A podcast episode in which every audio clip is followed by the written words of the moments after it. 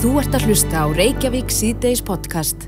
Það er náttúrulega 17. júni á morgun. Já, það er svona, svona föstudagsfílingur svolítið í dag vegna þess að það er frí á morgun, Já, lönghelgi. lönghelgi, Já.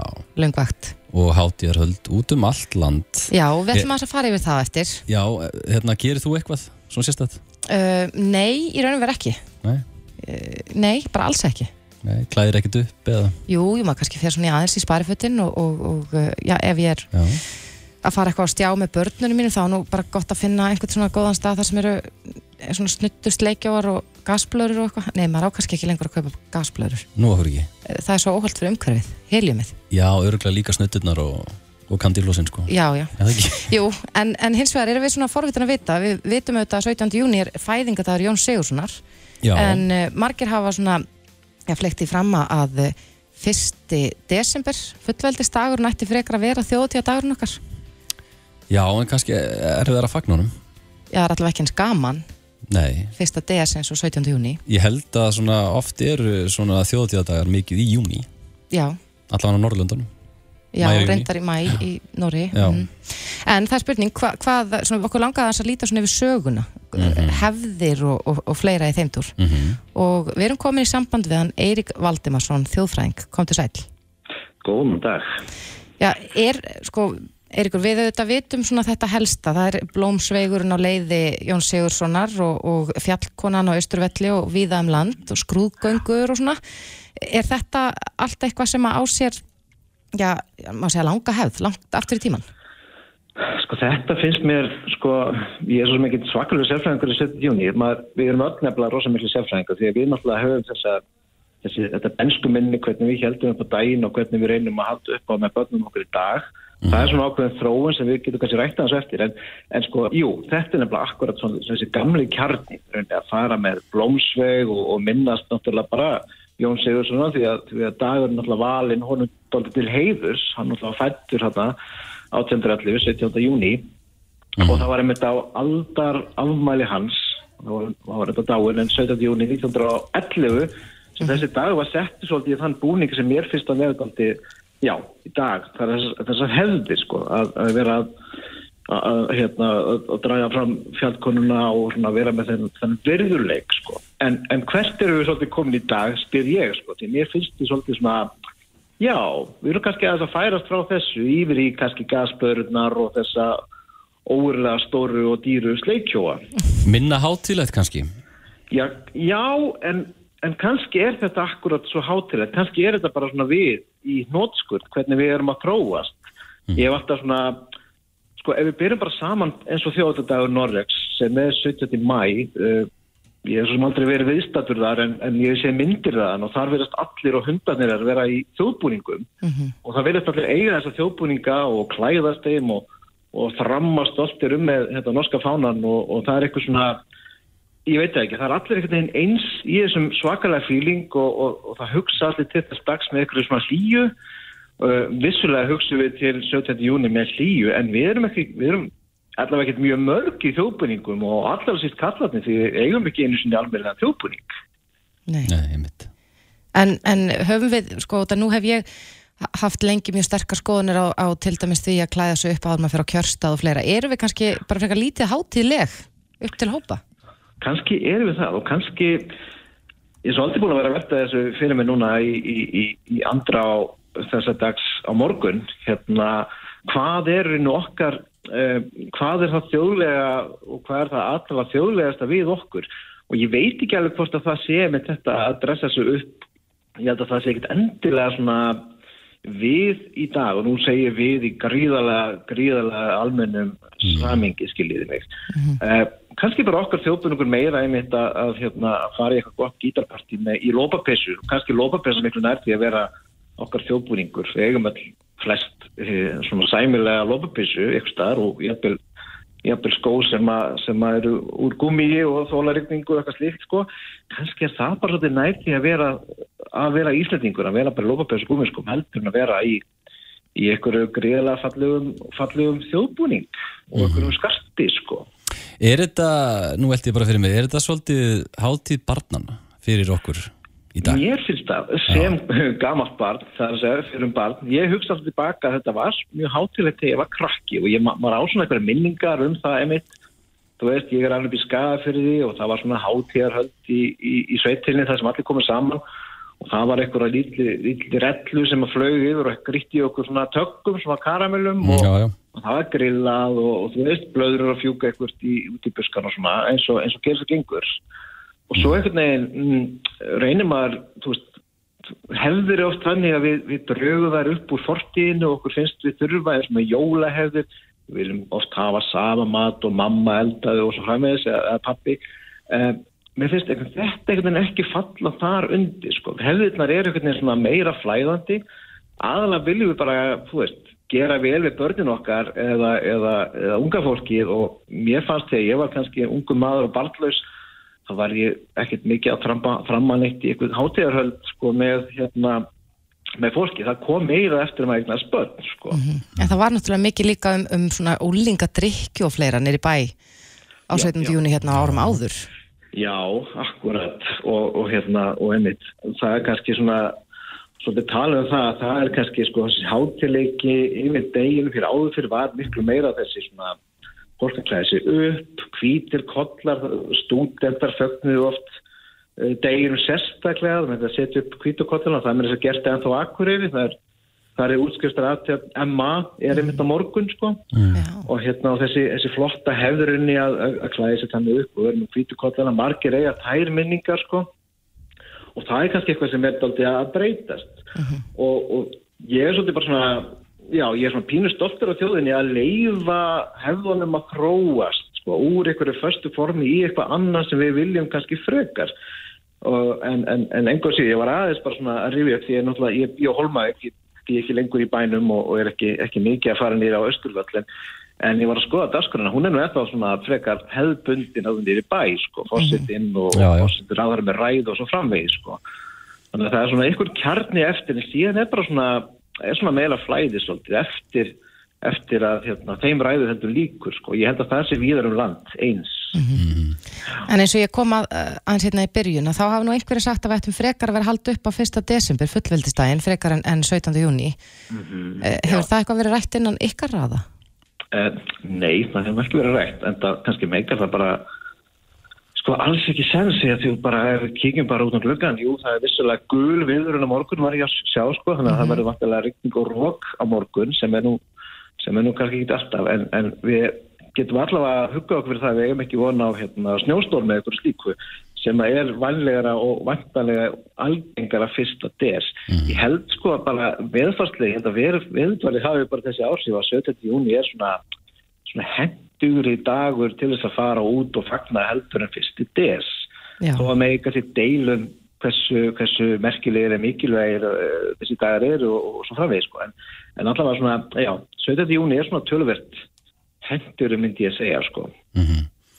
Og þú ert svona þeirra skoðunar að, að- að við þurfum ekki einmitt að vera í þessum föstu skorum endalust, það er þetta, hafa þetta flæðandi og, nýttum að koma og hvað er Já, mér finnst það svona sem þjófræðingur sem að horfi þóttið svona oft, já, oft stundur svona á hlutina hvernig þeir eru svona fjarska þá finnst mér það svolítið svona, já, pínu skemmtilegt að hérna, við leifum hlutum að þróast því að, því að hefðir og vennir og annað slíkt, sko, þær, þær, þær eiga svolítið að fylgja okkur og svo eigum við að halda ykkur áfram, við tökum okkur fortíðin og færum það áfram og, og við veitum það bara öll að þú veist, það er alltaf breytast og það breytist allt frá degi til dags og, hérna, og af hverju ekki hefði líka og bara, það mikilvægt er alltaf bara að allir hafi, hafi gaman á sínum fórsendum og, og en það er einhver sér bara flott að sé eitthvað svona kjarni sem kannski svona heldur svolítið saman en, en svona slutinni kringu það, það má bara alveg þróast sko. Akkurat með tíðrandarum. með Já. tíðarandanum. Við sendum bara bestu kveðir á Hólmavík og uh, óskuðir bara gleðlar hátíðar. Eiríkur Valdimarsson, þjóðfræðingur. Takk kærlega. Já, bless. Þú ert að hlusta á Reykjavík síðdeis podcast. Það eru 30 sem liggja á sjúkrafossi og tveir á gjörgæslu. Akkurat og uh, nú hefur landsbytalinn brugðist við og, og tekið upp grímuskild á ný, takmarka heimsóknir aðstandenda en það eru eitthvað um 200 manns að greinast með COVID á hverjum degi. Já, En, það fer einhver svona hrollur um að þegar maður fer að sjá fleiri fréttir um COVID. já, ég samála því. En hann er á línunni hjá okkur í dag, Þórólfur Guðnason, sóttvartanleiknir, kom til sæl. Já, sælverði. Já, Þórulur, hva, hvað er að gerast? Hver, vitum við eitthvað hvers vegna það er þessi aukning á, á smittum og alvarlegum veikindum? Já, sko, það er ekki neinn ný afbríði sem er að, sem er að koma í ljós. Við erum með þessi sömu afbríði og það verðist vera þetta BA5 afbríði af Omikron sé svona að sækis í veðrið svolítið uh, og, og það er nú bara sama og er að sjást erlendis. En við erum að sjá sko ekki mikið um endursmitt. Þetta er ekki eins og fólk sem hefur smittast áður sem síkjast aftur. Heldur er þetta fólk sem að, aðalega sem hefur ekki smittast áður sem er að veikjast. Mm -hmm. Þannig að ég held bara þess að sko þess að allar þessar slaganir og allar þessu umgangur í samfélaginu leiði til þess að þeir sem eru ekki búinir að fá COVID þó þessu bólusettir, þeir eru að smittast. Svo er bara, eru ansið margir af þeim sem við höfum mælt með að, að fá fjörðu bólusetningun og þeir hafa ekki e, farið í bólusetning eða fengið sína fjörðu bólusetning og, og það er kannski líka að búa til þessi alvarlegu veikindi sem leiði til innlagnar. Er einhver sérstakur aldurshópur sem er að greinast frekar? Já, þetta er aðalega fólk eldra en sjötugt og fólk með undirlikjandi hérna, sjúkdóma og þólir kannski illa svona COVID en, en, e, og það er það sem við erum að sjá núna í þessum innlögnum og svo er náttúrulega smita koma upp kannski innan spítalans á deildum mm -hmm.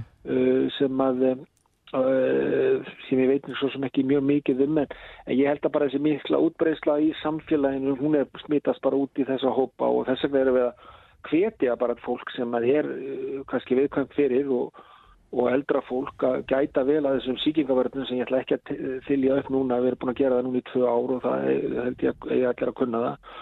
Og svo held ég að, að þeir sem ekki hafa fengið sína fjörðusbröytu ætti að gera það, það er að segja þeir sem eru 80 ára eldri með undirlikjandi sjúkdóma, þeir sem eru á fjúgrunaheimilum og svo þeir sem að telja sig vera eitthvað veika fyrir og, og eitthvað hættir að þeir, þeir eiga geta fengið hérna fjörðursprautuna líka og ég held að það sé alveg grundallatriði þessi fjörðursprauta til að koma í veg fyrir alvarleg veikindi. Hún kemur kannski ekki alveg í veg fyrir smít en mm -hmm. alvarleg veikindi. Já, en nú eru að greinast um og yfir 200 manns með COVID á hverjum degi.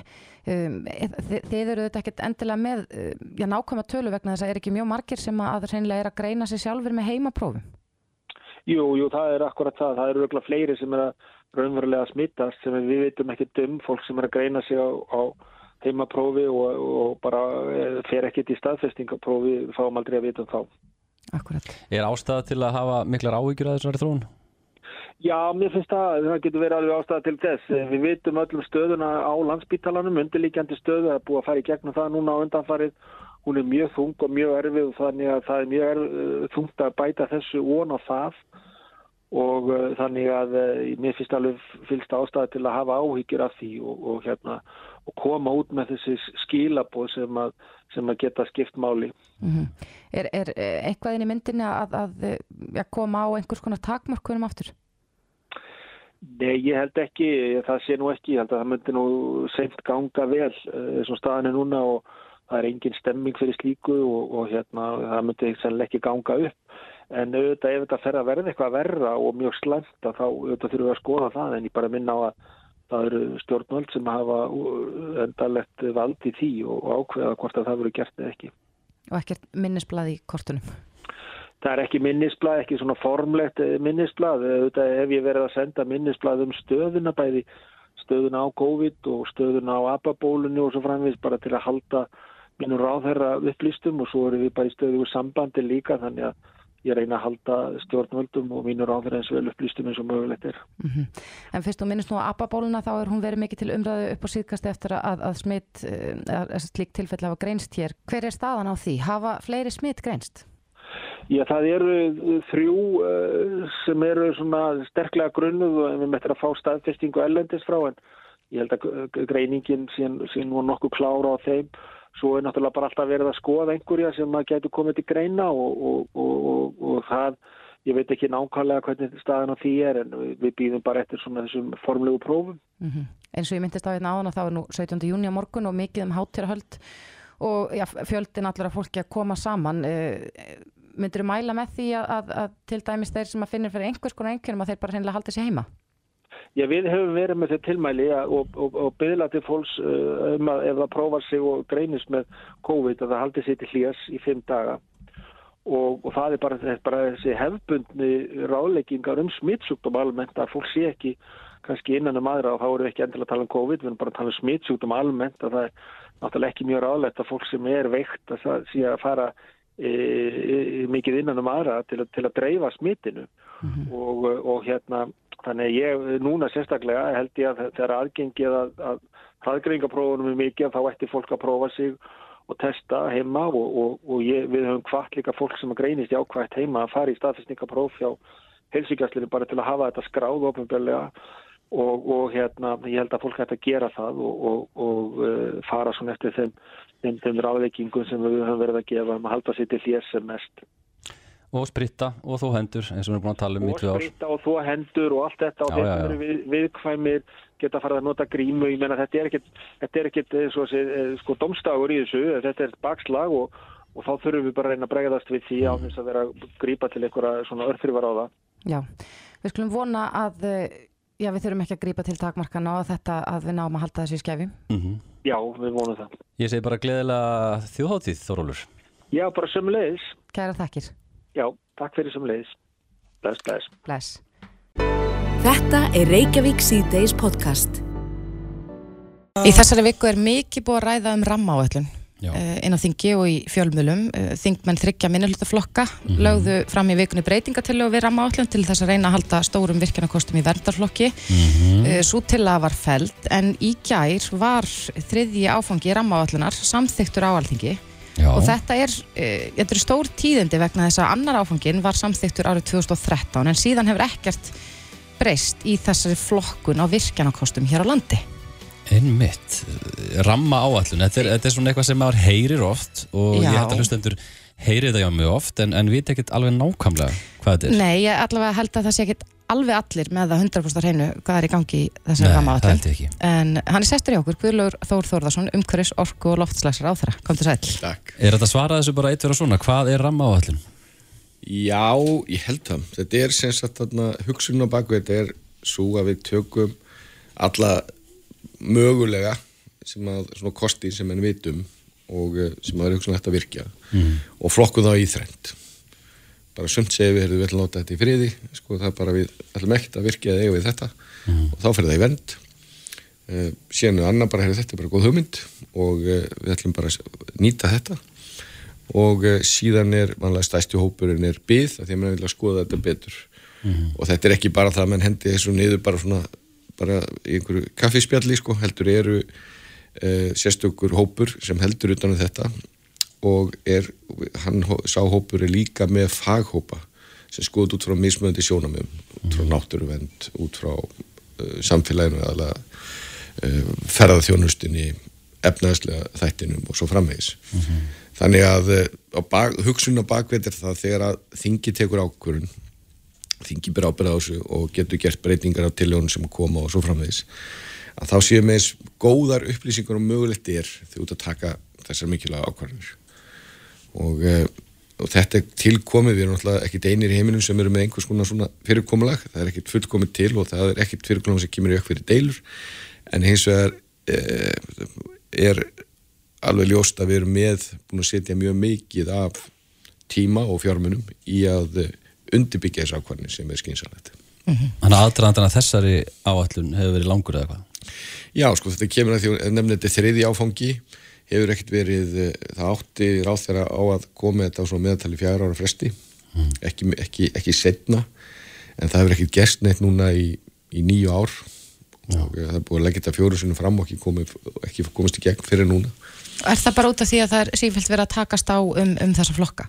Já, það er bara með að fólk hefur verið ósámála og uh, en uh, ég, þetta var eitt af fyrstu málunum sem ég fór með inn vegna sem ég vildi að þingi hefði eins langan tíma eins og mögulegt er. Og nefndinu unni mjög vel og sérstaklega uh, fórusta nefndarnar hefur bara tekið mjög góðan tíma náttúrulega fengið gesti og, og ábendingar og umsagnir og svo framvegis. En síðan hafa menn bara lagt mikið í þetta að reyna að finna niðurstuð sem að gera það verkum við getum haldið áfram í grætni orkuöflun sem er fórsenda þess að við náum árangur í, í loftlagsmálunum og ymsu öðru. Um, hér í vikunni fengum við post og, og bara frétta tilkynningu frá landvernd þar sem að, að meðal annars er sagt að, já, fagleg vinnubröð hafi ekki verið í fyrirrúmi hjá meirluta umhverju samgönguremdar heldur hafi önnur sjóna með ráðir för og, og einhver uh, Andri Singi Jónsson sagði á þingi gæra að þarna sé hagsmuna öllum þjónað hvernig bregst þú við því? Mér finnst það mjög ósangjar uh, gaggrinni og uh, sko hvað, hvað það kemur til að sem að er þarna, ég ætla ekki að lesa hann alla en síðan gera það breytingar og hvaða breytingar gera þeir? Það eru, það eru þrýr virkjanarkostir sem átt að fara í nýtingu og þeir setja hann í byggði sem við skoðum það betur. Eitt til dæmis skrokkalda sem er á miðhálandinu mm -hmm. og ég held að nú verið mjög skynsalda því að þó sem hún sé kannski ekki stór og kannski ekki hafa mikil áhrif að þá er, verður við að líta á þetta í stóra samhenginu að því að við viljum alltaf hafa það eins, óra, eins óraskað eins og getur orðið hálendið og sömulegsur tvær ár eða tvær virkjanir í, í þjósó sem en alltaf skoða betur. Uh, síðan voru nokkri sem við fóru, fóru í vend í byð og það eru tveir kostir eða sex eftir hvernig lítur á það. Og það er einn sem er síðan settur uh, þar að segja vindorkugarður eða búrfellslundur að hann er settur í, nýtingu það er eina sem er sett í nýtingu. Annars nýst um það að það er fara að skoða svo litið betur. Og síðan voru 28 kostir sem orkustofnaði komið með og ég bað orkustofnaði um að taka það út. Bara eh, og nefndin félst á það. Það er þetta er alveg nóg flókið og sérst ekki að bæta við einhverjum sem engir er að byggja um þetta. Mm -hmm. og þú getur alltaf gaggrínt breytingar og uh, bræðilega en hins vegar sko þá sjáum við það bara á eh, uppleginu í nefndarálitinu og allir vinnin sem fór fram að, að hér vorum en að fólk að vanda til verka. Svo geta með verið sammála og ósamála en mér finnst ósangert að halda því fram að menn hafi ekki gert þetta eins vel eins og, eins og þeir uh, mögulega áttu. Já, en þetta er þetta mjög stór og mikilvæg málaflokkur sem að, að uh, þú ferð fyrir. Hvernig stöndum við okkur? Nú hefur ímest verið talað um sko raforku skort og, og fluttingskerfi og annað hvernig sér þau framtíðina fyrir þér? Er, ramma allir að gera það verkum að við komumst nær markmiðum okkar um til dæmis orkuskipti og fleira? Já sko við getum, þetta er úr einfalt að uh, við erum bara að taka bensín og dísel við þurfum bara að taka það út og við þurfum aðra orku í staðin við þurfum græn orku í staðin mm. best er það bara þegar getur eins og bara bílan okkar þá notum við bara stingu í samband að ramagnið mm -hmm. en við þurfum eftirlega að búa til svona raf elsneti bæði á flugvilar og, og, og skip og, og stærri hugsanar vilar þannig að það er ekki takt að fara í orku skiptinu að þessi er græn orka, það er alveg, alveg, alveg skýrt. Og þannig að þetta hjálpar okkur mikið. Bæði rammin eins og voru líka tvönu frumvörp sem voru samþygt annars vegar það að einfalda uh, leifisferlið þegar ert að stækka virkjanir. Bara til, að því að það er nú eitthvað sem er nú allavega óumdelt og það fyrir bara í umhverjismat sem auðvitað mikilvægt en, mm -hmm. en það að stækka að koma nýja turbín en slíkt ánáttúrulega ekki að finnst held ég flestum að þetta ekki taka vera flóki ferill og sömulegis er orkusbarnar frumvarpanna líka til þess að hjálpa fólki að nýta sér uh, tækni til þess að, að spara orkuna sem er eitt þáttur sem það er að gera líka Hvers slags tækni? Uh, varmadælur er mest nýttar mm -hmm. uh, en sömulegis er líka það útilokkar ekki annað eins og sólarsellur og ýmislegt annað hugsunin er bara þessi að, að eh, því betur sem hún ferði með orkuna ég menn ef, þetta, ef allir nýta sér varmadæluna sem geta nýtt sér mm -hmm. að þá því að það sparast orka sem sannsra orka fyrir 50.000 rafbíla ári þannig að það er bara það er hansi mikið sko. mm -hmm. uh, En erum við á réttri leið? Við erum á réttri leið en þessi markmið sem við erum með sem er mjög háleit það má ekkit út að bregða Nei og eh, ramminn náttúrulega hugsaði þannig að og öll vinnunum bak við það, við erum að vanda okkur því að það er fleira heldur en loftlagsmálinn eða, eða orkumálinn, þetta er náttúrulega líka náttúruvend, ég held að við, við Íslingar flestur ekki öll.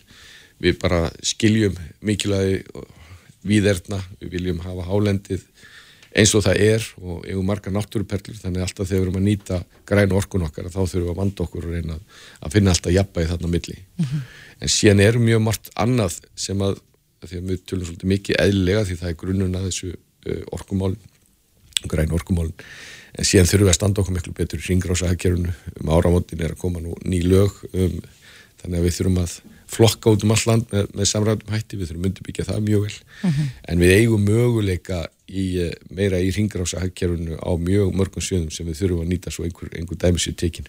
Þannig að, jú, er engi var við réttir leið, þetta var stór mál eins og þú nefndir að það var ekki búin samþekkt í nýja ár að, í þinginu í gær en uh, það er við getum ekkert slakað á við Nei. verðum að, að eh, vinna mjög markvitað þessu til hann árangri Var það búið að koma fram hérna í upphæðu sko, hvers vegna ramma áallun? Hvaðan, og, svo Já, er talað um ramman, bara orðið. Ég held að orðið er ekki nægilega lýsandi fyrir það sem er í gangi hérna og kannski þess vegna sem maður verður svona pínu Já, það er Já, að setja ramma utan Já, um þetta já, allt saman ok. Það er þá kannski bara komið. Þetta er, vís, já, þetta er eins og góð punkt, ég er nú ekki að hugsa þetta því að Nei. ég er náttúrulega bara, þetta er alltaf verið kallað rammi. Já, en mm. ég hugsa sér náttúrulega hugsun svo að þú ert að ramma utanum vendina, þú ert að ramma utan nýtinguna og, og svona, svo veitum við einhvern ramma um, um sem að skoða betur. En það er kannski mikið til því að það er ekki mjög lýsandi. Nei, þetta var nú bara svona forvittni spurning út af því að maður heyrir mikið tala um ramma áallun og svo er svona, svolítið verið að slengja fram orðinu rammin Akkurat Já, en, en uh, við óskum þér bara til hamingi með að hafa komið þessu í gegn Guðlugur Þór Þórðarsson, umhverfis orku og loftslags ráðra Kæra þakkir. Gera það ekki Þetta er Reykjavík C-Days podcast.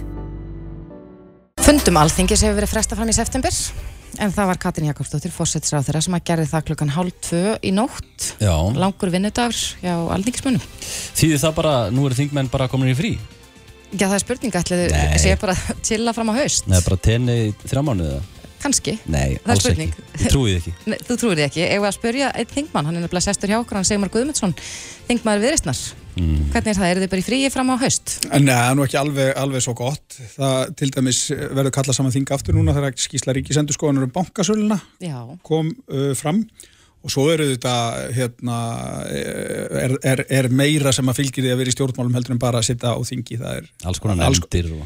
já, flokkstarf Já, og, og, hérna bara samskipti við, við fólk en, en, þetta er náttúrulega rólegri tími getur við sagt heldur en, heldur en þegar þing er starfandi. En áður en við byrjum kannski, hvernig hefur þér eh, líkað að vera á þingi? Þetta er svona nýr Já, já, Já. fyrsti veturinn búinn. Já, Já, þetta er bara verið mjög gaman.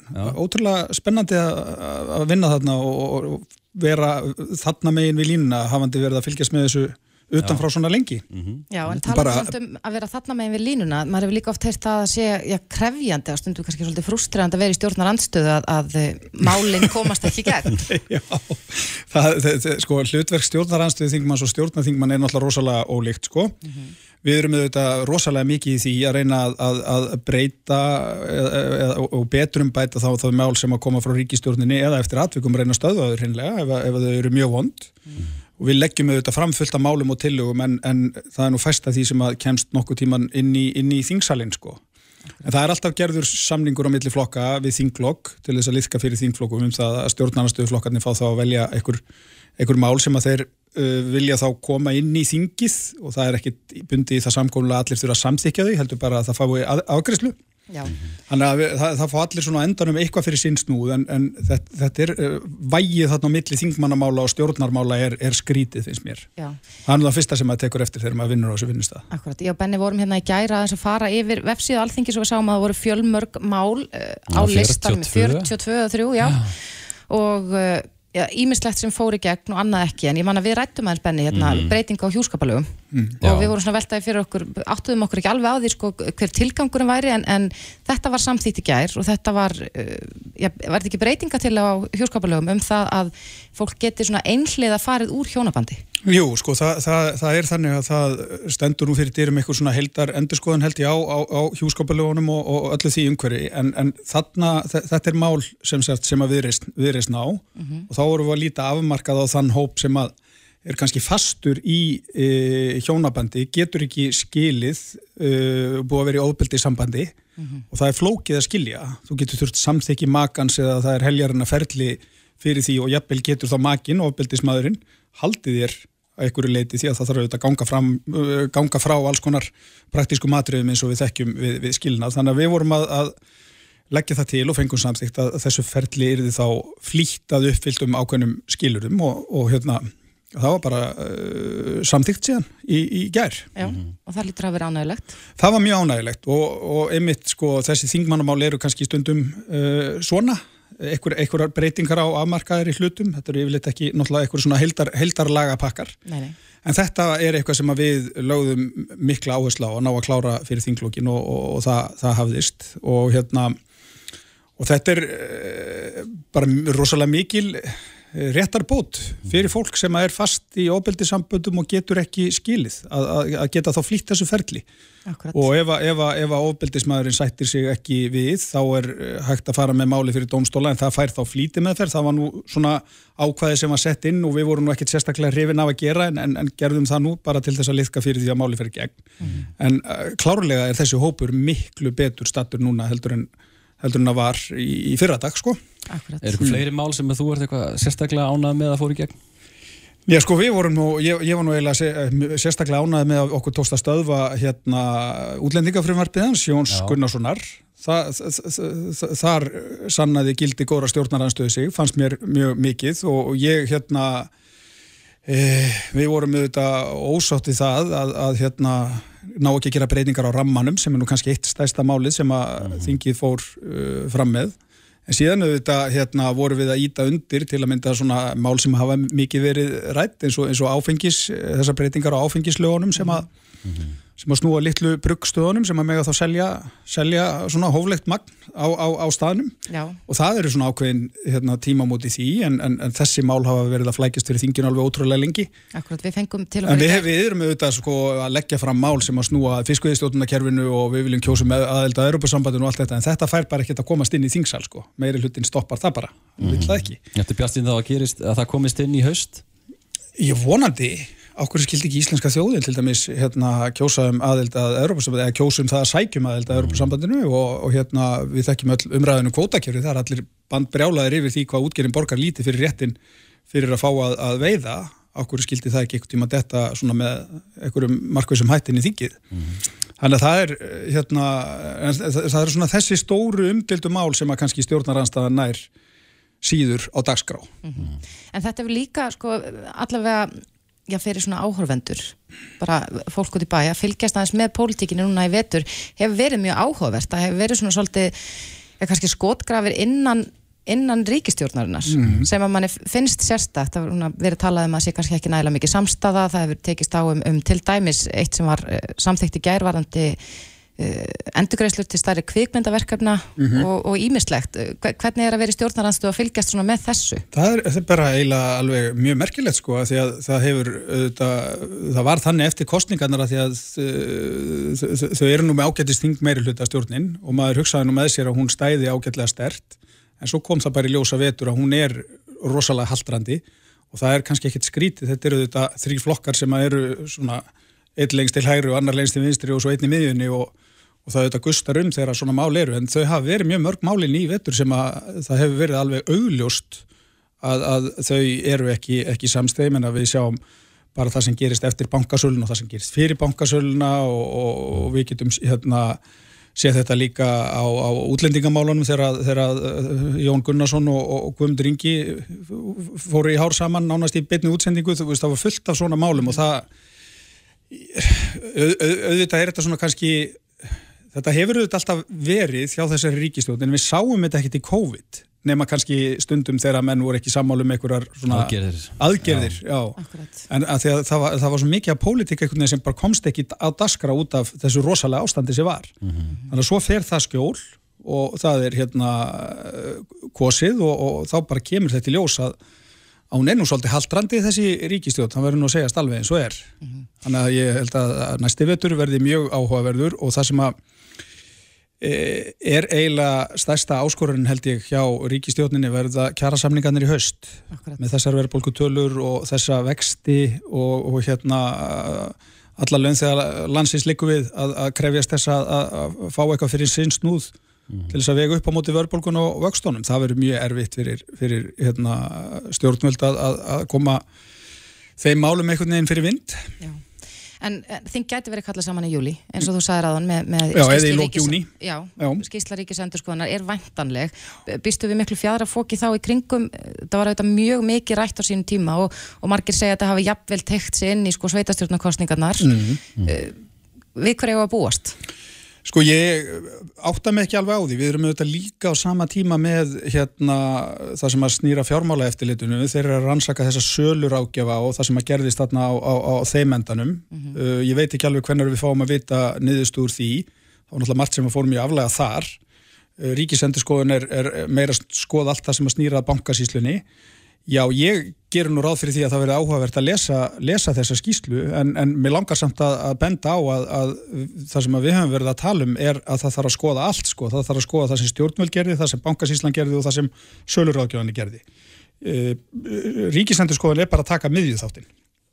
Þannig að sko við fáum enga heldar mynd upp úr þessari skýslu, eiginlega bara alls ekki sko. Þannig að ég veit eiginlega ekki alveg hverju ég á að búast við það, þetta hérna, ríkisendurskóðandi mjög sjálfstæður í sínu störfum þannig að það hefur ekkert lekið út um það hvað hann er að gera, kannski sem betur fyrir hann verður þetta bara að fá að vinna í friði. Munið þið áfram uh, kalla eftir því að sett verða fót rannsóknar nefnd alþingis til þess að, að já, eins og þú segir, kanna alla hluta málsum? Já, það, það, sko, það, það er nefnilega það sem að er. Nú erum við að kanna þetta á tveimur póstum og það er algjörlega verið að láta hérna pólitísku ábyrð og, og, og, og pólitísku ákvarðanatökuna liggja á milli hluta. Hún er ekkert með inn í, inn í rannsóknunum. Þannig að mér finnst svo krafa ennþá verið auðvitað alveg galopin að það þurfa að skoða, skoða það eitthvað betur og þau svo sem stjórnarliðarnir sumir hafa alveg opnað á að það getur komið til þess og hérna það skýrist að ykkur leiti með skýslu ríkisendurskoðunar en, en eins og ég segi þá ættir að fara kannski betur yfir, yfir, yfir það hvað kemur út úr þessu hjá farmálaeftilitinu. Já, ég held að margir fjölmjölamenn munur já, oppa hæðsin yfir því og þetta júli er oft svolítið erfir mánuður ef að þetta kemur í júli þannig að það verður um nóg að ræða. Gamli Simmi hefur verið glæðið með þetta. Gamli Simmi. Gamli Simmi. Já, já, já. En annars bara örstuðt, uh, 17. júni, einhverja hefðir, síðir? Nei, eiginlega ekki sko, það er bara farið eitthvað í bæ með börnin og eitthvað, eitthvað svona hérna hitt, já, menn fara bara að hitta fólk og, og borða kandifloss og, og veifa fánum og kaupa blöður sko. Það er jakkaföld? Nei, ég ger það nú reyndar ekki en hérna, en ég fæ mér sleikjó.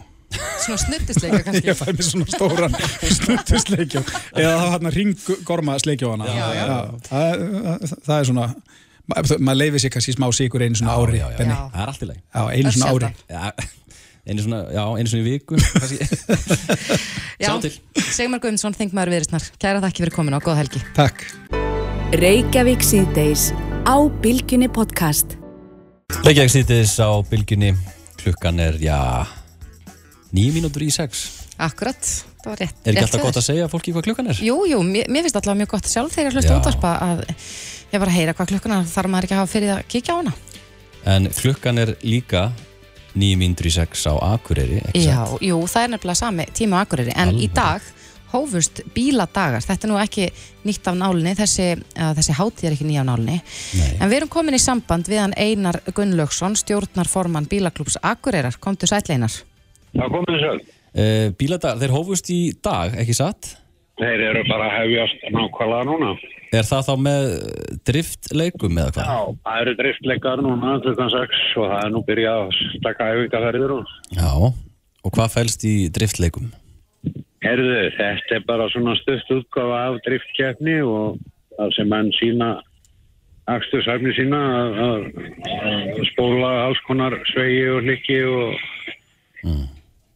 Eru margir sem að koma norður uh, sérstaklega til þess að fara á bíladaga?